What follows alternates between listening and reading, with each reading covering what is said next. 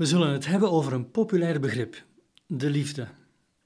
We zullen nagaan wat liefde eigenlijk is en hoe ware liefde uitgedrukt wordt. En dat willen we toepassen op relaties. Liefde wordt door iedereen zeer hoog gewaardeerd, hemelhoog geprezen. In onze tijd betoogt men tegen van alles en nog wat. Men is tegen werkloosheid, tegen atoomenergie, tegen een heleboel dingen. Maar ik heb nog nooit gehoord van een betoging tegen de liefde. Niemand is er tegen, iedereen is er voor. Er wordt vaak en veel over de liefde gesproken en gezongen. Het is een lievelingsonderwerp voor kunstenaars en dichters. Talloze liederen, romans, televisieprogramma's en films behandelen het thema.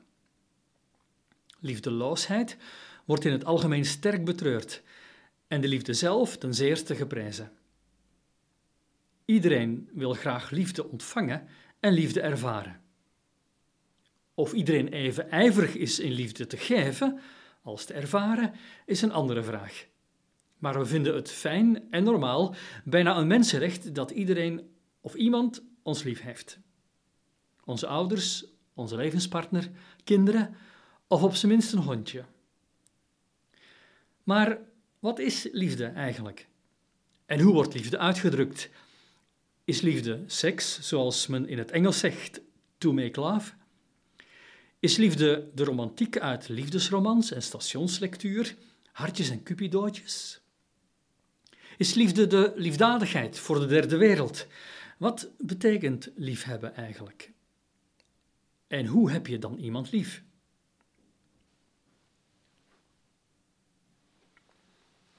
Als christen weet je natuurlijk dat er een andere dimensie is van ware liefde dan de menselijke.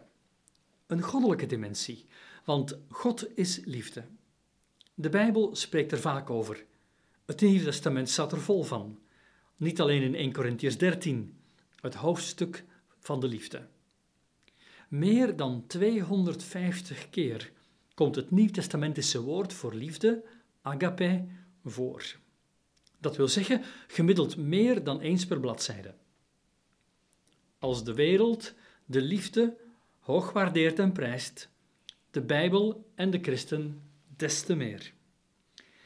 De Heer Jezus heeft vaak gesproken over ware liefde. Enkele bekende uitspraken op een rijtje. Ge zult de Heere uw God liefhebben, met geheel uw hart en met geheel uw ziel en met geheel uw verstand. Dit is het grootste en eerste gebod. Het tweede daaraan gelijk is, ge zult uw naaste liefhebben als uzelf.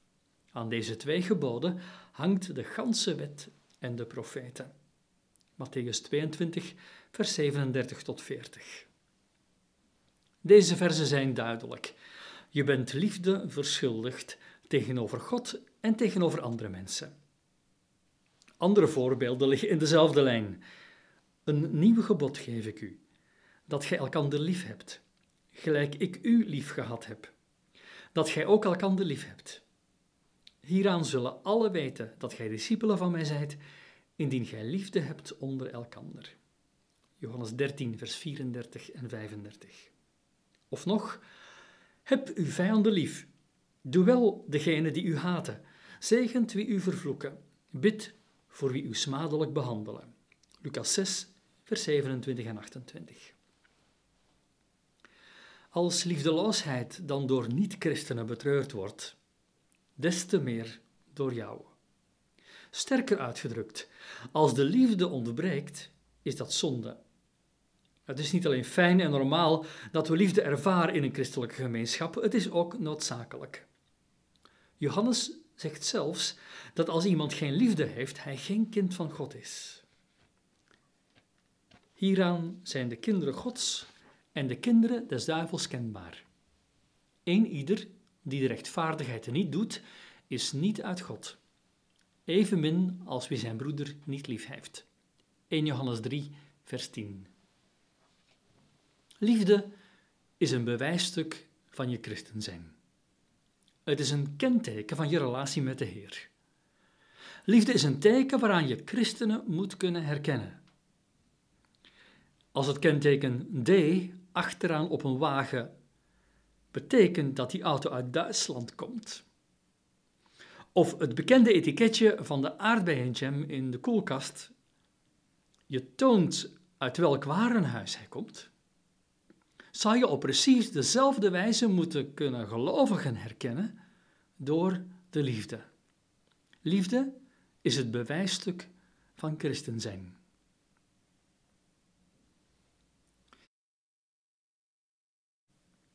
Het is niet nodig veel meer te zeggen over de noodzaak van liefde. Dat weet je al. Zoals het liedje het zegt: What the world needs now is love, sweet love. De wereld heeft behoefte aan liefde. Je hebt al vaak preken gehoord over de noodzaak en het belang van de onderlinge liefde. Die ga ik niet herhalen. Ik wil het niet hebben over het belang van de liefde, maar over het wat en het hoe. Wat is liefde en hoe kan ze tot uitdrukking gebracht worden? Wat betekent liefhebben volgens de Bijbel en hoe druk je liefde uit in het kader van je relaties, vooral binnen het gezin? Vooraleer hierop in te gaan, wil ik je een opdracht geven. Als je nu tijd hebt, stop dan even met luisteren en beantwoord voor jezelf de volgende vragen. Ten eerste, wat betekent liefde voor jou? Probeer dus een begripsomschrijving te geven, wat jij denkt wat liefde is. En de tweede vraag, schrijf de naam op van iemand die jij lief hebt. En geef voorbeelden van hoe je je liefde voor hem of voor haar bewijst. Met andere woorden, hoe weet hij of zij dat je hem of haar lief hebt? Hoe openbaart jouw liefde zich in de praktijk? Denk daar nu eens over na. Ik hoop dat je wat tijd hebt genomen om die twee vragen rustig te overdenken en te beantwoorden. Je zult gemerkt hebben dat het niet zo eenvoudig is om op deze vragen een antwoord te geven. Wat is liefde eigenlijk? Wat is ware liefde? En wat zijn haar eigenschappen? Je weet dat het een vereiste is voor al je relaties met andere mensen. Het is waarschijnlijk gemakkelijker om echte liefde te beleven dan om ze te omschrijven. Maar toch moet je je best doen om de inhoud van het begrip liefde te omlijnen. Want als je niet precies weet wat liefde betekent, kan je maar moeilijk weten of je de ander ook lief hebt. Als God en de naaste lief hebben het primaire gebod is, dien je te ontdekken wat deze liefde inhoudt, om zodoende beter in staat te zijn het ook werkelijk te doen. Bovendien is het niet zo moeilijk de Bijbelse opvatting van liefde voor te stellen, omdat de Bijbel het begrip zelf zo uitvoerig behandelt. Veel moeilijker is het de woorden in daden om te zetten.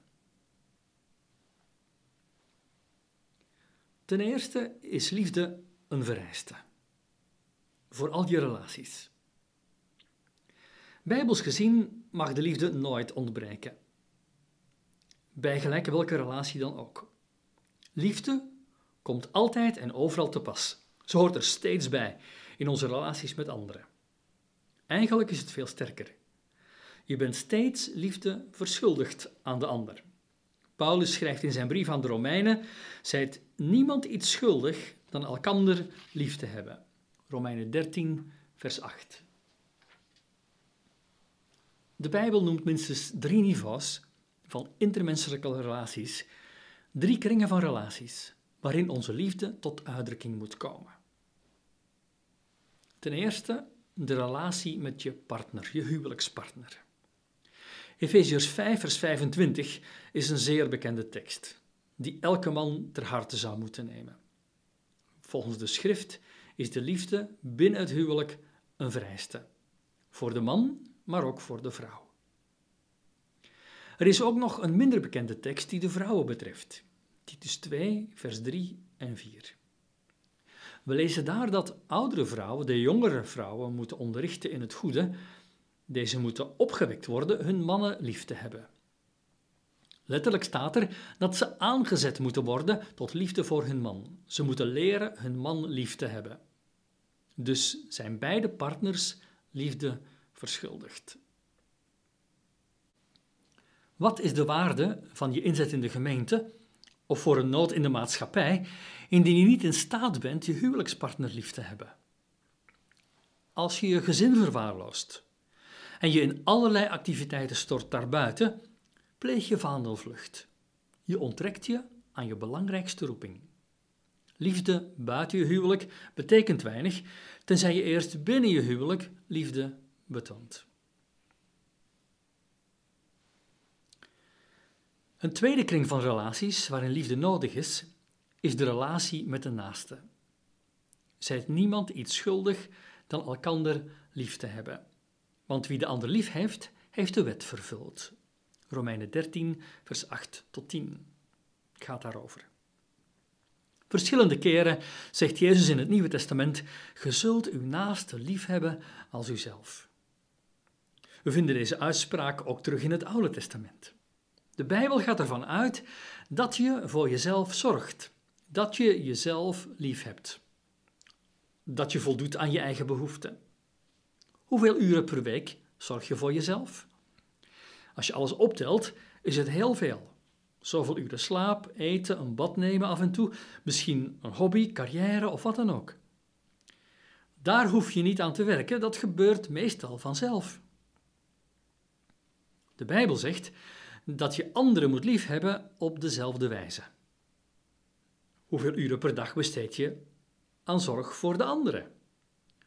De naaste is een hele brede kring: familie, buurman, buurvrouw, collega's, kennissen. De gelijkenis van de barmhartige Samaritaan is eigenlijk een antwoord op de vraag: en wie is mijn naaste? Een vraag uit Lucas 10, vers 29. Het antwoord komt hierop neer.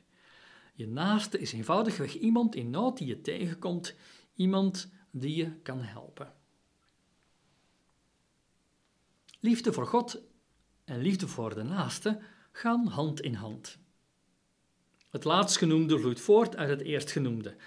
Bovendien zou het, als je werkelijk liefde zou betonen aan je naaste, door aan zijn behoeften te voldoen, niet zo moeilijk zijn om met je naaste over God te spreken. Je zou dan de gelegenheid hebben. Misschien zeg je wel, maar in mijn huwelijk gaat het moeilijk. Ik slaag er niet meer in om mijn man lief te hebben of mijn vrouw lief te hebben. We houden niet meer van elkaar. We wonen nog wel in hetzelfde huis, maar we leven naast elkaar heen. Dan ben je toch nog elkaars naaste. En je behoort je naaste lief te hebben. Maar misschien zeg je wel, het is veel erger dan dat. We zijn vijanden van elkaar geworden. De derde kring van relaties, waarin liefde een vereiste is, is de kring van vijanden. Het wordt steeds moeilijker. Voor velen is de eerste kring al moeilijk. Echte liefde voor de huwelijkspartner. En in de tweede plaats naast een liefde. Daar schiet je al vaak tekort. Maar nu, je vijanden liefhebben. Wat weet je daar eigenlijk van? Een christen kan aan deze vereiste niet ontkomen. Jezus is daar duidelijk over. Maar tot u die mij hoort, zeg ik, hebt u vijanden lief. Doet wel degene die u haten, zegent wie u vervloeken, bid voor wie u smadelijk behandelen. Slaat iemand u op de wang, keer hem ook de andere toe. Neemt iemand uw mantel af, laat hem ook het hemd nemen. Vraagt iemand iets van u, geef het hem. Neemt iemand het uwe, vraag het niet terug. En gelijk gij wilt dat u de mensen doen, doet gij hun evenzo. Indien gij lief hebt die u lief hebben, wat hebt gij voor? Immers ook de zondaars hebben lief die hen lief hebben. Maar indien gij goed doet aan wie u goed doen, wat hebt gij voor? Ook de zondaars doen dat. En indien gij leent aan hen van wie gij hoopt iets te ontvangen, wat hebt gij voor? Ook zondaars lenen aan zondaars om evenveel terug te ontvangen. Nee, heb uw vijanden lief. En doe goed en leent zonder op vergelding te hopen. En uw loon zal groot zijn, en ge zult kinderen van de Allerhoogste zijn. Want hij is goed, jegens de ondankbare en boze. Lucas 6, vers 27 tot 35. Je moet ervoor opletten dat dit gedeelte niet uitsluitend een mooie tekst blijft, waar je vol bewondering naar kijkt, zoals je een schilderij dat aan de muur hangt bewondert. Dan vind je het allemaal wel prachtig, maar uiteindelijk maakt het te weinig uit voor de praktijk van elke dag. Wat doe je ermee? Je moet leren deze dingen in de praktijk om te zetten. Liefde is een vereiste voor al je relaties. Je kan er niet aan ontkomen. God zegt: Mannen, hebt uw vrouw lief, gelijk Christus de gemeente heeft lief gehad. Je zegt misschien: Dat gaat niet, ik voel niets meer voor haar. De gevoelens van liefde zijn al jaren verdwenen. Dat kan gebeuren, ook onder christenen. De reden om je huwelijkspartner lief te hebben ligt echter niet in gevoelens, maar in gehoorzaamheid aan God zelf. Zo zijn ook de mannen verplicht hun vrouw lief te hebben als hun eigen lichaam, zegt Efeziërs 5, vers 28. De liefde waar de Bijbel over spreekt, is niet gelijk aan de liefde waar de wereld over spreekt. Als je erover nadenkt, zal het duidelijk zijn dat de liefde waar ik het nu over heb, niet de liefde is van liedjes en romans. Het is niet de liefde die onze maatschappij verkondigt en verkoopt. Deze liefde komt niet overeen met het liefhebben van hen die ook lief voor jou zijn of van degenen die het goed doen. Het is ook niet het liefhebben van iemand met als bedoeling zelf iets terug te ontvangen. Ware liefde is evenmin hetzelfde als gevoelens van genegenheid. Liefde in de Bijbel is niet hoofdzakelijk een gevoel, een emotie. Evenmin is bijbelse liefde romantiek of erotiek. Als de liefde die van ons verwacht wordt niet te vereenzelvigen is met dit soort liefde van de wereld, wat is ze dan wel? Er zijn allerlei begripsomschrijvingen mogelijk, maar liefde is in ieder geval iets wat je doet. Liefde is een vaste beslotenheid om een ander goed te doen. Niet omwille van wat die ander deed voor jou, maar veel eerder omwille van wat God zelf deed voor jou. In tegenstelling tot verliefdheid vindt liefde haar bron niet in het gedrag of de persoon van de ander, maar wel in hoe God zijn kinderen behandelt. Enkel op die manier wordt het mogelijk om je vijanden lief te hebben, of om je huwelijkspartner liefde te blijven betonen, zelfs als hij of zij vervelend doet. Geliefden, indien God ons zo heeft liefgehad, behoren ook wij elkander lief te hebben, zegt 1 Johannes 4, vers 17. Goddelijke liefde kent natuurlijk wel ook warme emoties en affectie, maar strekt zich veel verder uit. Met goddelijke liefde kan je ook van mensen houden voor wie je geen bepaalde genegenheid koestert. En zelfs van je vijanden en van degenen die jou kwaad doen. Mensen voor wie jouw emoties beslist niet zo positief zijn. God vraagt niet van jou dat je dezelfde zachte, tedere emoties hebt voor je vijanden als die van een moeder voor haar zuigeling of als tegenover iemand waar je sympathie voor koestert. De oproep is om je vijanden lief te hebben, zoals God de wereld heeft liefgehad. Alle liefde is uit God. En buiten God om kan niemand waarlijk lief hebben. 1 Johannes 4, vers 7 en 8 zegt het zo: Geliefden, laten wij elkander lief hebben. Want de liefde is uit God. En een ieder die lief heeft, is uit God geboren en kent God. Wie niet lief heeft, kent God niet, want God is liefde. Hoe kan je christelijke liefde nu omschrijven? Je kan de Bijbelse liefde omschrijven door te zeggen wat ze niet is. Geen seks, geen cupidootjes, geen warme gevoelens. Deze dingen zijn op zichzelf genomen misschien wel goed, maar daarom nog geen goddelijke liefde. Zo is seks binnen het huwelijk heilig en goed, maar buiten het huwelijk zonde. Daarbij is zelfs seksualiteit binnen het huwelijk, die alleen maar de bevrediging van de eigen verlangens nastreeft, maar daarbij voorbij gaat aan wat goed is voor de huwelijkspartner, geen uiting van christelijke liefde. maar veel eer van een ongezonde gerichtheid op jezelf. Al deze zogezegd liefdevolle dingen worden pas echt christelijke liefde als ze ook gedaan worden vanuit je relatie met God. Liefde is oneindig veel meer dan wat er aan de buitenkant gebeurt. Liefde kan enkel en alleen voortkomen uit het besef van wat God voor jou gedaan heeft. Wij hebben lief omdat Hij ons eerst heeft liefgehad, zegt 1 Johannes 4, vers 19.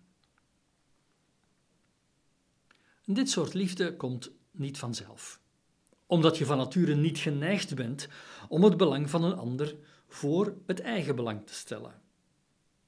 Toch kan je vanuit je relatie met de Heer leren om elkaar vanuit de juiste wortel lief te hebben. Bij dit alles geldt de volgende stelregel. Hoe dieper je relatie met de Heer, des te beter zul je in staat zijn om christelijke liefde te tonen. Liefde is een keuze.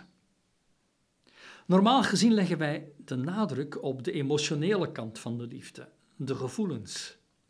De Bijbel daarentegen stelt de liefde voor als een wilstaat.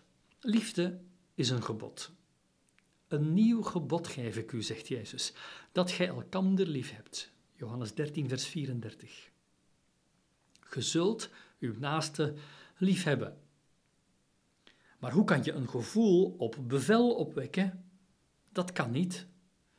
God legt geen gevoelens op als gebod. Nee, het gebod der liefde is geen kwestie van emoties, maar van gehoorzaamheid.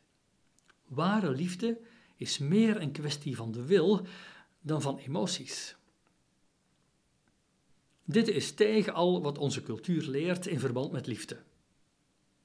Echte liefde is in eerste instantie geen gevoel, maar een wilsdaad.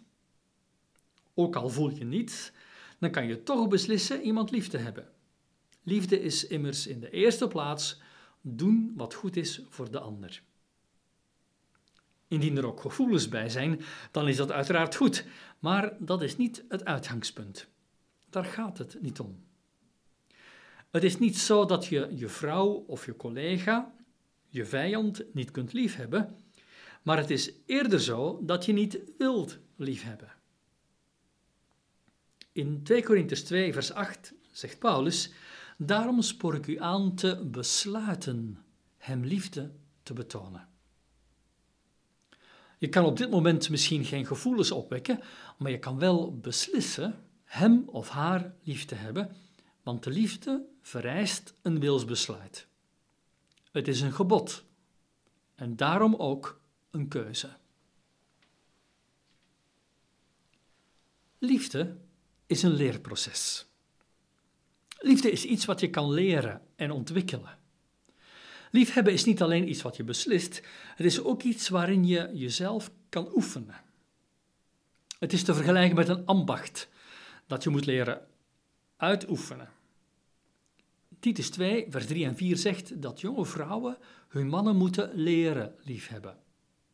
Daartoe moeten ze worden aangezet. 1 Thessalonicense 4, vers 9 tot 11 zegt dat we van God hebben geleerd elkander lief te hebben. God leert ons om lief te hebben en deze liefde neemt toe naarmate we eraan werken, naarmate we er ons op toeleggen. Door ze te beoefenen kan je liefde ontwikkelen. Dat klinkt misschien vreemd, maar liefde kan je leren. Genesis 24, vers 67 zegt: Toen bracht Isaac haar in de tent van zijn moeder Sarah, en hij nam Rebekka, en ze werd hem tot vrouw, en hij kreeg haar lief. Ook vandaag hoor je vaak mensen die al jarenlang getrouwd zijn zeggen: Ik hou nu veel meer van haar dan toen we trouwden. Liefde is een werkwoord. Het is iets wat zich op een zeer praktische en tastbare wijze uitdrukt. Er is geen zweverige gemoedstemming voor nodig, het is geen vaag voornemen. Echte liefde drukt zich steeds uit op een concrete, zeer concrete wijze. 1 Johannes 3, vers 17 en 18 maakt duidelijk dat God zijn liefde voor jou heeft uitgedrukt door zijn zoon te geven. Johannes 3, vers 16 geeft ons dezelfde boodschap. Romeinen 5, vers 8 spreekt over de liefde van God, die gegeven werd op een moment toen jij nog een vijand van hem was. God heeft jou niet lief gehad op een vage wijze, maar heel concreet. Door iets te doen. Niet alleen met het woord, maar ook met de daad. God heeft zijn zoon gegeven. Liefde drukt zich op een praktische wijze uit. Liefde is een werkwoord. Als je dus zegt: Ik hou van jou, zou je de vraag kunnen stellen: waaruit blijkt dat? Waarin bewijs je liefde? Uit het antwoord op deze vragen zal blijken of het om echte liefde gaat of alleen maar om gevoelens van verliefdheid. Liefde kost inspanning. Omdat liefde werken is, kost het inderdaad inspanning. 1 Thessalonicense 1 vers 3 spreekt over de inspanning van uw liefde. Waar de maatschappij gewend is om bij liefde aan emoties te denken, dingen die vanzelf komen, denkt de schrift aan kiezen, willen, leren, doen, een inspanning leveren. Liefde is met inspanning op de ander gericht. De liefde zoekt zichzelf niet, zegt 1 Corinthians 13. Gelijk de barmhartige Samaritaan denkt de liefde niet aan de kosten. Ze vraagt zich niet af hoe de ander zal reageren. Ze beperkt zich niet tot het geven aan mensen die terug zullen geven. Het is een totaal gericht zijn op de ander en zijn behoeften. Liefde is een keuze. Liefde moet geleerd worden. Liefde is een werkwoord. Liefde vraagt inspanning. Liefde is een praktisch, onvoorwaardelijk op de ander gericht zijn. Als het wezen van de liefde is dat je je inspant om jezelf aan de ander te geven, dan is dat een hele klus. Je weet dat God de wereld heeft liefgehad en dat je ook je eigen leven voor de anderen behoort in te zetten. Dan gaat het inderdaad niet om tedere emoties of hartjes en cupidootjes, maar in eerste instantie om actie en inzet voor de ander. Dat kan je doen, want het is een kwestie van handelen en niet van voelen. Het is iets waartoe je je aanzet. Het is iets wat kan ontwikkeld worden, wat kan groeien. Aldoende leer je. Je hoeft dus niet te wachten tot je er de gepaste gevoelens bij hebt. Je moet gewoon aan de slag. Iemand goed doen en voldoen aan zijn behoeften, omdat God het wil. Misschien denk je dat op deze wijze liefde betonen niet oprecht is. Als ik het niet zo voel, is het niet echt. Dat is een drogredenering. Je doet immers een heleboel dingen tegen je gevoelens in. Niemand betaalt graag belastingen, maar uit goed burgerschap doe je dat wel. Misschien blijf je s'morgens liever langer in bed liggen. Dat je eruit komt om naar je werk te gaan, is niet huigelachtig, maar eerder een teken dat je je verantwoordelijkheid opneemt. Wie doelbewust voor liefde kiest, kiest soms tegen de emoties in. Dan handel je oprecht, in gehoorzaamheid aan God. Wie God dient is geen huigelaar, maar iemand die de genade die hij in Christus ontvangen heeft, ook in de praktijk om wil zetten. Liefde is een gave. Hoe gelukkig kan je jezelf prijzen als je de Heer Jezus hebt leren kennen? Want Romeinen 5, vers 5 zegt dat de liefde van God in je hart uitgestort is door de Heilige Geest. Je staat er niet alleen voor. Door Jezus te leren kennen, heb je meteen ook alles ontvangen wat je nodig hebt om tot Gods eer te leven. Dat zegt bijvoorbeeld ook 2 Petrus 1, vers 3 en 4. Die liefde is in jou aanwezig. Je mag nu leren om datgene wat je ontvangen hebt ook in de praktijk te brengen. Uit jezelf zou je dit nooit kunnen. Je eigen liefde is beperkt. Je eigen liefde strekt zich niet uit naar je vijanden of naar mensen waar je het moeilijk mee hebt. Spontaan denk je op de eerste plaats aan jezelf. Probeer je alle risico's te beperken en geef je jezelf pas aan anderen wanneer je denkt dat het wel veilig is. Maar zo is de liefde van God niet. Hij gaf zijn zoon op een moment dat jij nog een vijand was. Op het moment dat jij nog niet met hem verzoend was, zegt Romeinen 5, vers 8 tot 10. Hij heeft dus het risico gelopen door jou afgewezen te worden. Op dezelfde wijze behoor jij, als je een discipel van de Heer Jezus bent en wil zijn, je eigen leven voor de ander in te zetten. Niet uit eigen kracht, maar door Gods genade en de werking van de Heilige Geest in jou. Eigenlijk ben jij nu aan de beurt om dit in praktijk te brengen. Wat nu volgt zijn een aantal praktische tips, opdrachten, waarmee je zelf aan de slag kunt. Je begint met de studie van 1 Corinthians 13, vers 4 tot 7. Dit hoofdstuk geeft je een diepgaande omschrijving van de christelijke liefde. Het is verheven, mooi, maar tevens zeer praktisch. Je kan de volgende studie maken om die liefde onder de loep te nemen en de persoonlijke toepassingen voor je eigen leven ervan te bedenken. Dit zijn de instructies. Neem de verschillende kenmerken van liefde uit de versen 4 tot en met 7 één voor één door en beantwoord de volgende vragen. A.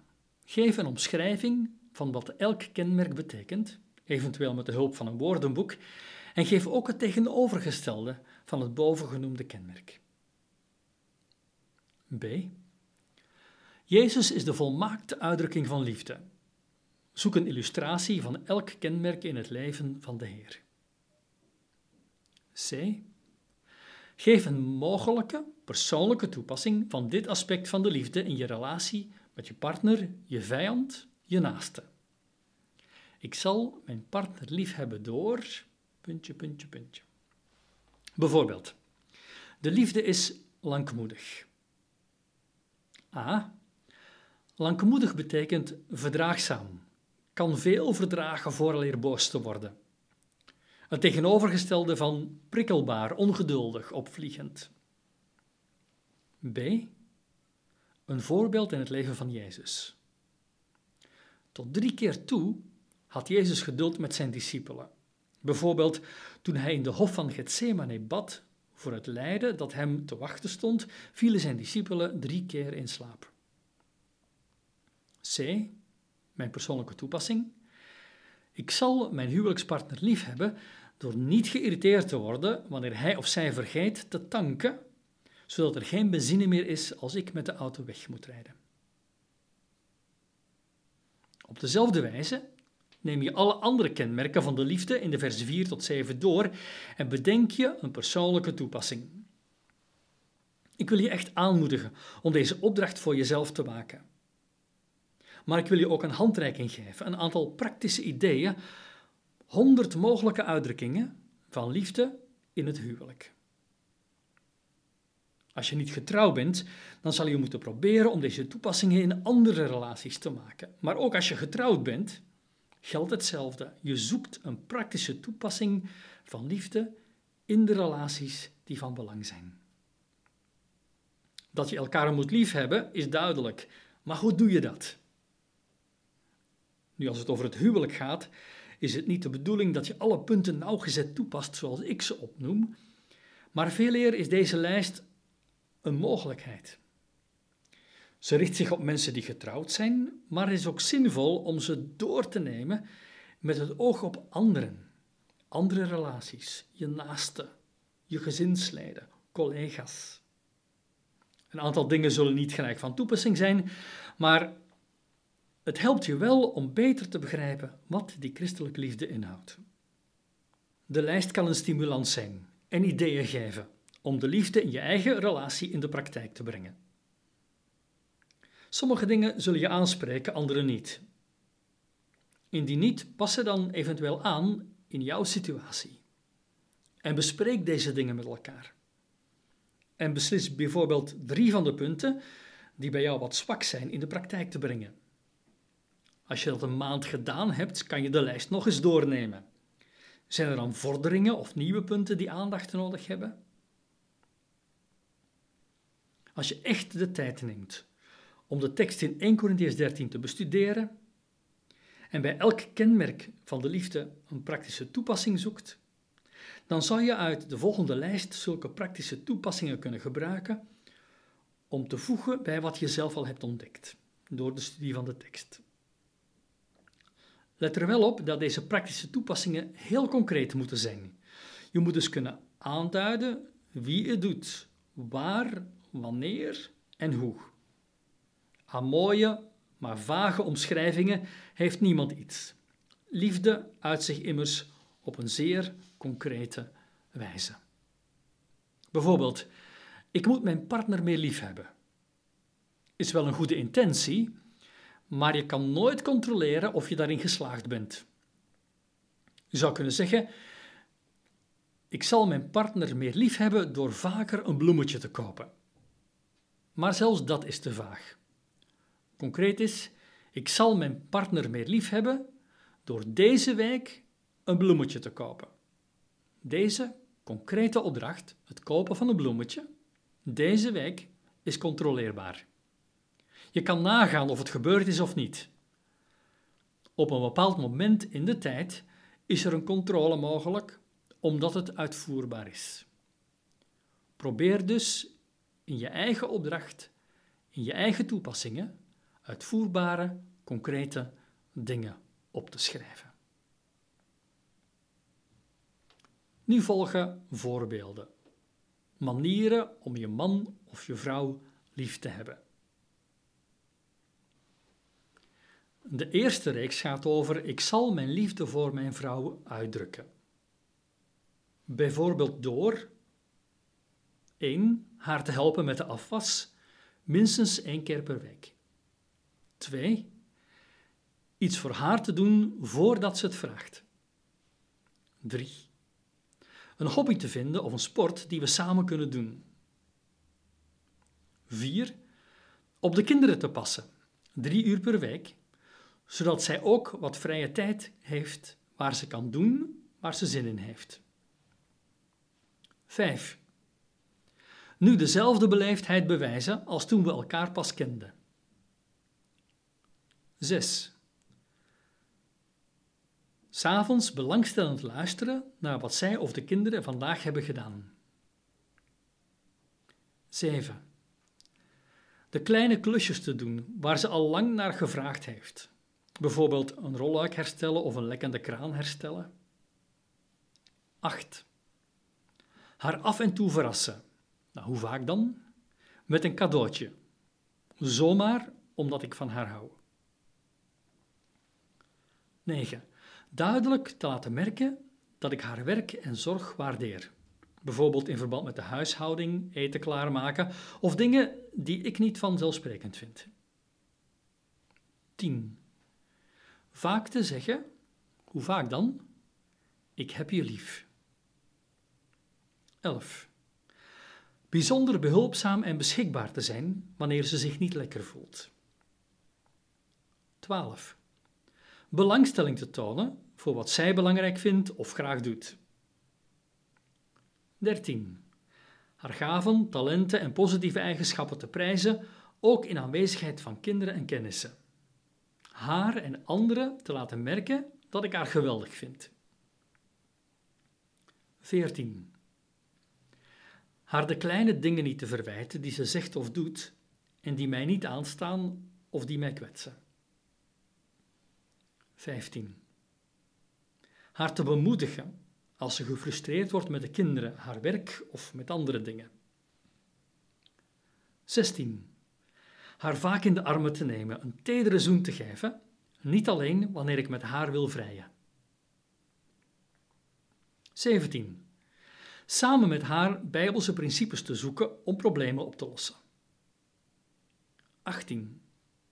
Ervoor te zorgen dat ze voldoende rust krijgt. 19.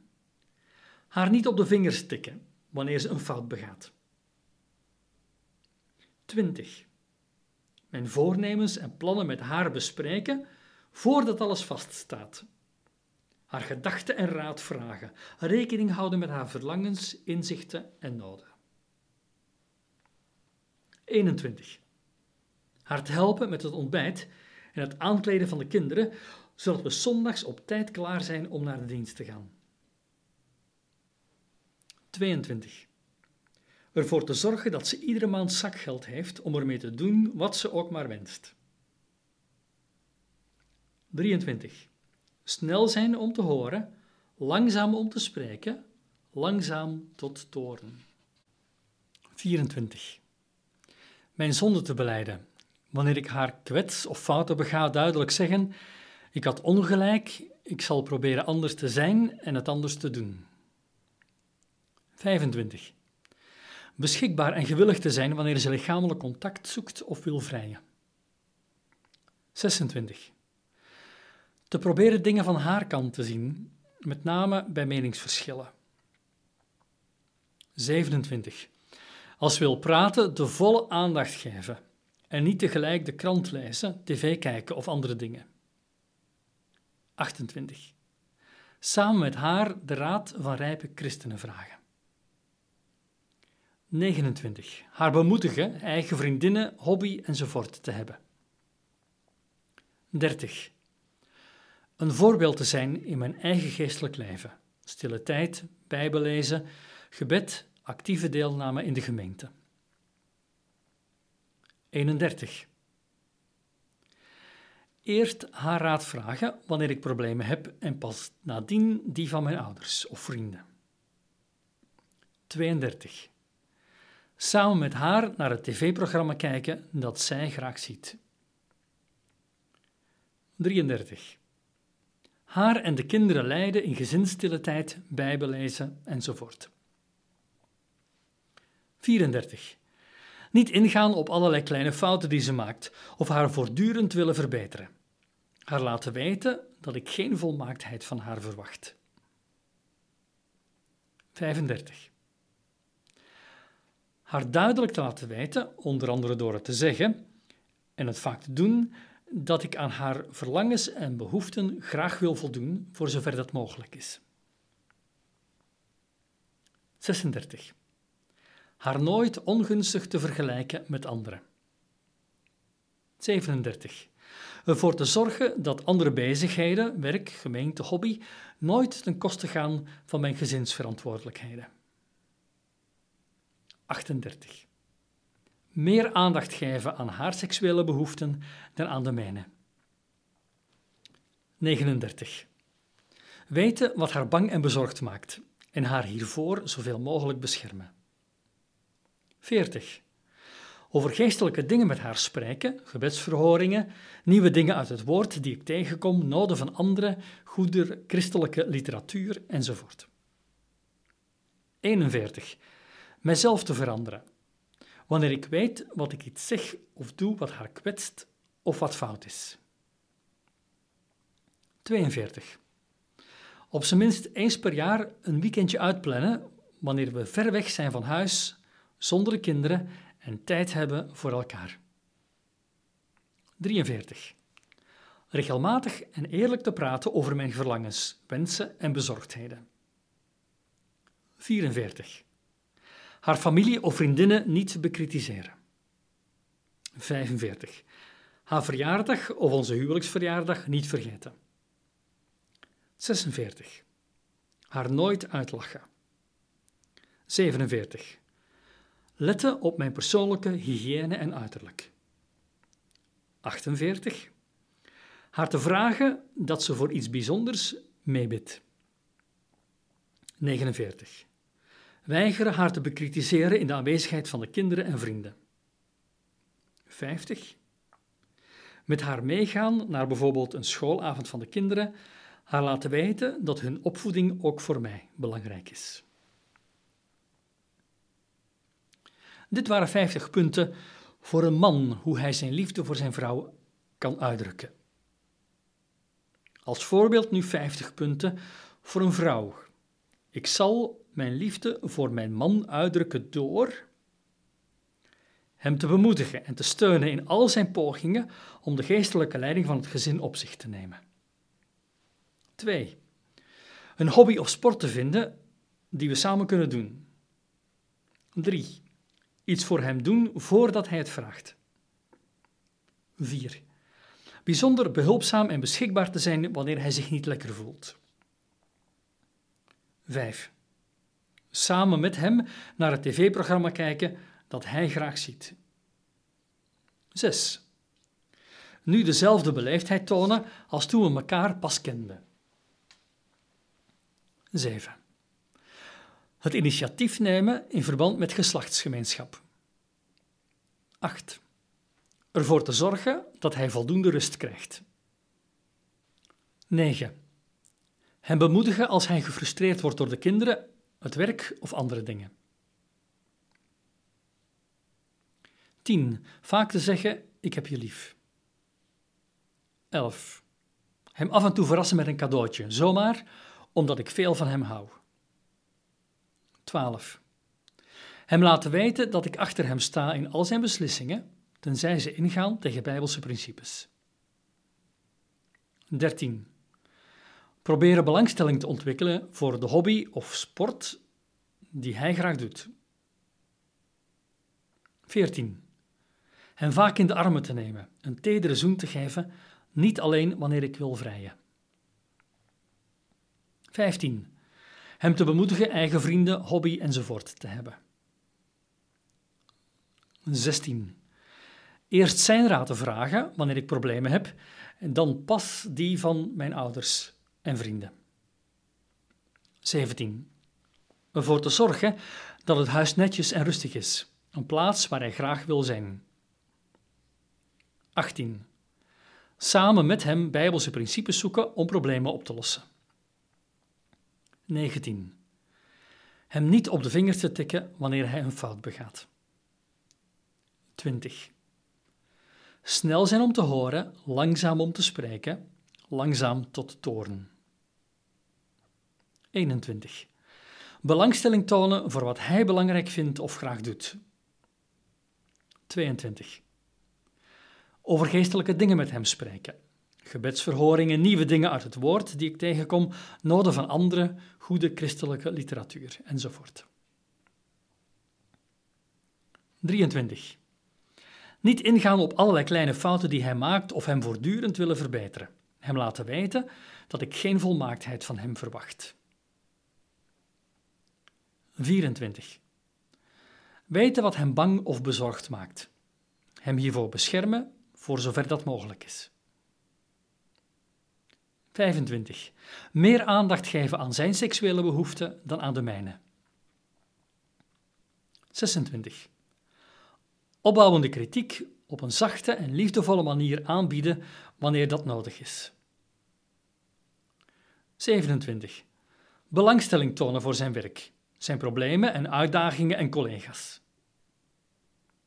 28. Problemen met de huishouding, kinderen enzovoort met hem bespreken, hem laten weten dat zijn advies op dit gebied nodig en gewaardeerd is. 29. Duidelijk laten merken dat ik tevreden ben met wat hij verdient en met alles wat hij doet om het gezin te onderhouden. 30. Beschikbaar en gewillig te zijn wanneer hij lichamelijk contact zoekt of wil vrijen. 31. Proberen dingen van zijn kant te zien, met name bij meningsverschillen. 32. Volle aandacht geven als hij wil praten. Niet tegelijk de afwas of de strijk doen, televisie kijken of andere dingen. 33. Samen met hem raad vragen aan geestelijk volwassen christenen. 34. Hem duidelijk laten weten, onder andere door het te zeggen en het vaak te doen, dat ik aan zijn verlangens en behoeften wil voldoen voor zover dat mogelijk is. 35. Hem nooit ongunstig vergelijken met anderen. 36. Ervoor zorgen dat andere bezigheden, werk, gemeente, hobby enzovoort, nooit ten koste zijn van mijn gezinsverantwoordelijkheden. 37. Zijn gaven, talenten en positieve eigenschappen prijzen, ook in de aanwezigheid van de kinderen en kennissen, en hem en anderen laten merken dat ik hem geweldig vind. 38. Hem geen verwijten maken voor de kleine dingen die hij doet of zegt, die mij niet aanstaan of die mij kwetsen. 39. Een voorbeeld te zijn in mijn geestelijk leven. Stille tijd, bijbellezen, gebed, actieve deelname in de gemeente. 40. Bij voornemens of beslissingen de plannen met hem bespreken, vooraleer alles vaststaat, zijn gedachten en raad vragen, rekening houden met zijn verlangen, inzicht en noden. 41. Tegenover hem erkennen wanneer ik hem kwets of fouten bega. Duidelijk zeggend, ik had ongelijk, ik zal proberen anders te zijn en anders te doen. 42. Mij te veranderen wanneer ik weet dat iets wat ik doe of zeg fout is of hem kwetst. 43. Met hem regelmatig en eerlijk over mijn verlangens, wensen en bezorgdheden spreken. 44. Zijn familie of vrienden niet bekritiseren. 45. Zijn verjaardag of onze huwelijksverjaardag niet vergeten. 46. Hem nooit uitlachen. 47. Te letten op mijn persoonlijke hygiëne en uiterlijk. 48 hem te vragen voor iets bijzonders met mij te bidden.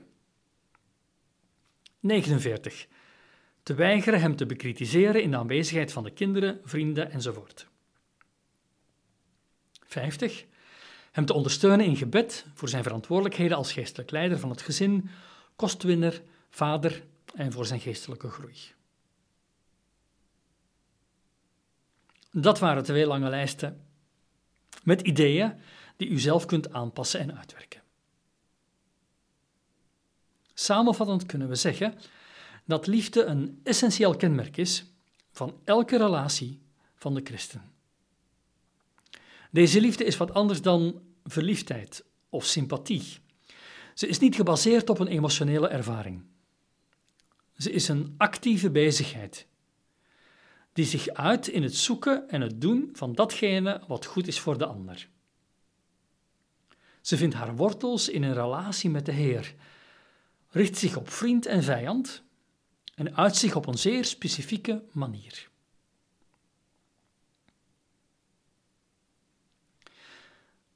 Liefde is niet de basis van een huwelijksrelatie.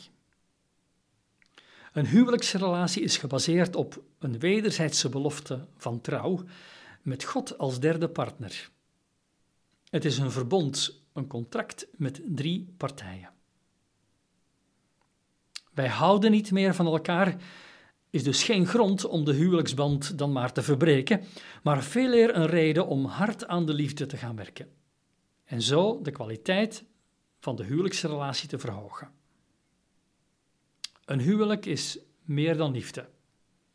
Het is een verbond van trouw, maar binnen de liefde kan groeien. Liefde wordt gesmeed binnen het kader van trouw.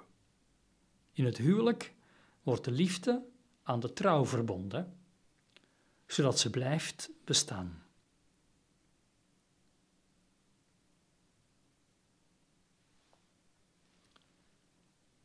Deze CD is een uitgave van het Centrum voor Pastorale Counseling, Ter Vuurse Steenweg 192 3001 Heverlee, België. U kunt ons vinden op het internet www.pastoralecounseling.org.